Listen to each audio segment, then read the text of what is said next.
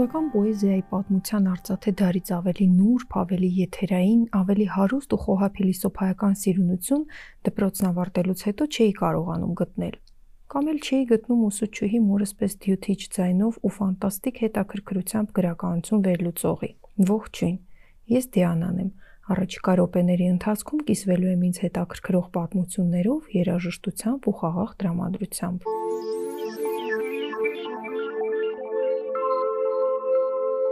Իմ բուհական կյանքում հայտնվեց շվոցախառը սարսափելի հազով 9 կատու պահող անդադար ծխող ու խզված բասային ձայնով Նատալի Սերգեևնան, ով ստալինյան ժամանակաշրջանում հայկական խորհրդային սոցիալիստական հանրապետության պետանվտանգության մինիստր եւ ասում են, որ բավականին խստաբարո ու դաժան մարդ Սերգեյ Կորխմազյանի դուստրն էր։ Տիեզերական արդարությունը պահանջում է նշել, որ Կորխմազյանը միանշանակ կերպար չէր, բայց իր ģերբնական ուղեղի համար ես պատրաստ էի անտեսել թե իր սպաստիկ հազը եւ թե ծխելը։ Ի վերջո հիմա կարելի ասել, որ իր բոլոր լեկցիաները մետալ ժանրի երկարաշունչ գործեր էին։ Դեկադանսին բնորոշ եթերային բառապաշարով, ռիթմիկ ու կատաղի հազի պարտիաներով, բասի ճշգրիտ ու վստահ հնչեղությամբ, իսկ ամենակարևորը հագեցած ու տպավորիչ։ Երբ այդ լեկցիաներն ավարտվեցին, մի անապ դատարկություն էր պատել ինձ 21-րդ դարում, ու մեկ էլ արևմուտքից լսվեցին պոստ-մետալ նվագող եւ միջնադարյան մենեստրելներին, այսինքն երգիչ, պոետ ու կոմպոզիտորներին շատ նման ֆրանսիացի երիտասարդների ձայները, ովքեր սրբել են փոշին միջնադարյան հեքիաթների ու բալլադների վրայից եւ էլֆերից փոխառված զրնգուն երգով եկել հասել են այլ ժամանակներ։ Alceste, autre temps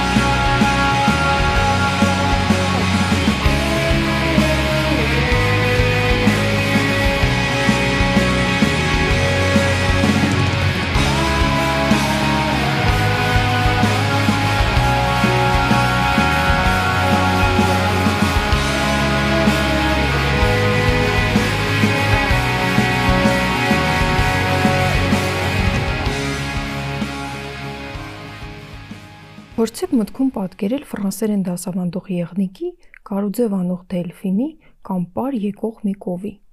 Դուք սա իրական կյանքում իհարկե չեք տեսել, բայց երևակայությունն աշխատացնելի վիճակի եք։ Նեյրոգիտնականները ուսումնասիրել են, թե ինչպես է ուղեղն ստեղծում մի բան, ինչն իրական կյանքում գուցե չեք էլ տեսել։ Երբ դուք օրինակ խնձորի վրա եք նայում, Գլխուղեղի ետնամասում ասոցիատիվ պարիետալ հատվածում հազարավոր նեյրոններ են միաժամանակ կրակում եւ ամեն կրակող նեյրոն կամ նեյրոնային խումբ պատասխանատու է խնձորի առանձնահատկությունները ֆիքսելու համար՝ կանաչ, դեղին, քաղցր, թթու, պուտիկներով, կարկտահարված, խրթխրթան, փափուկ եւ այլն։ Միաժամանակ կրակող նեյրոնների միջև կապն ամրանում է այնքան, որ այդ նեյրոնային անսամբլն ամրանա եւ միշտ հենց այդ անսամբլի նեյրոնները կրակեն, երբ մենք լսում, տեսնում տեսնում կամ պատկերացնում ենք կոնկրետ առանձնահատկություններ ունեցող մի խնձոր, կատու, գթալ եւ այլն։ Նեյրոգիտության մեջ սա կոչվում է hebby տեսություն, ըստ որի իրար հետ գրակող բջիջները նաև փոխկապակցվում են։ Երբ դուք երևակայում եք ֆրանսերեն դասավանդողի, դաղանում եք վաղուց ձևավորված որևէ նեյրոնային անսամբլի գործունեության շնորհիվ, իսկ երբ մտաբերում եք եղնիկի, ապա մեկ այլ։ Որպեսզի ձեր մտաբերած ֆրանսերեն դասավանդողը լինի եղնիկ կամ եղնիկը ֆրանսերեն դասավանդող, ձեր ուղեղը պետք է անպայման միաժամանակ աշխատացնի երկու տարբեր նեյրոնային անսամբլներ, եւ այդ աշխատացնողի դերը ստանձնում է գլխուղեղի ճակատային հատվածը։ Խնդիրն այն է, որ տարբեր նեյրոնային անսամբլներ տարբեր հեռավորության վրա են գտնվում գլխուղեղի ճակատային հատվածից եւ միաժամանակ պետք է կրակեն ձեր ուզած պատկերը մտքում ստանալու համար։ Գլխուղեղի ճակատային հատվածն ազդակներ է ուղարկում ասոցիատիվ հատվածին նյարդային մանրաթելերի միջոցով, որոնք պատված են միելինով, ճարպային նյութով։ Եթե նյարդային մանրաթելը պատված է միելինի բարակ շերտով, ապա ազդակը դանդաղ է տեղ հասնում, իսկ միելինի մինչև 100 շերտով պատված նյարդային մանրաթելը շատ արագ է ազդակը տեղ հասցնում։ Հատկանշական է, որ նյարդային մանրաթելերը միելինով պատվում են մարդու մանկության տարիներին, եւ մեր երևակայությունը հասուն տարիքում մեծապես կախված է հենց մանկության ընթացքում ձևավորված ուղեղի հնարավորություններից։ Ժամանակը հետ տալու, նորից ծնվելու եւ ինչ-ինչ բաներ շտկելու տարբերակ չկա։ Ֆրանսիացի heavy metal ամենապոետիկ խմբերից մեկում սա շատ լավ են հասկացել, երբ երգել են, թե «Մինչ ամեն բան կվերածնվի, դուք ժամանակի ցավոտ շնչին եք սովորում»։ Gojira, Born in Winter։ Խաղաղ մնացեք։ Մինչ նոր ոդքասթ։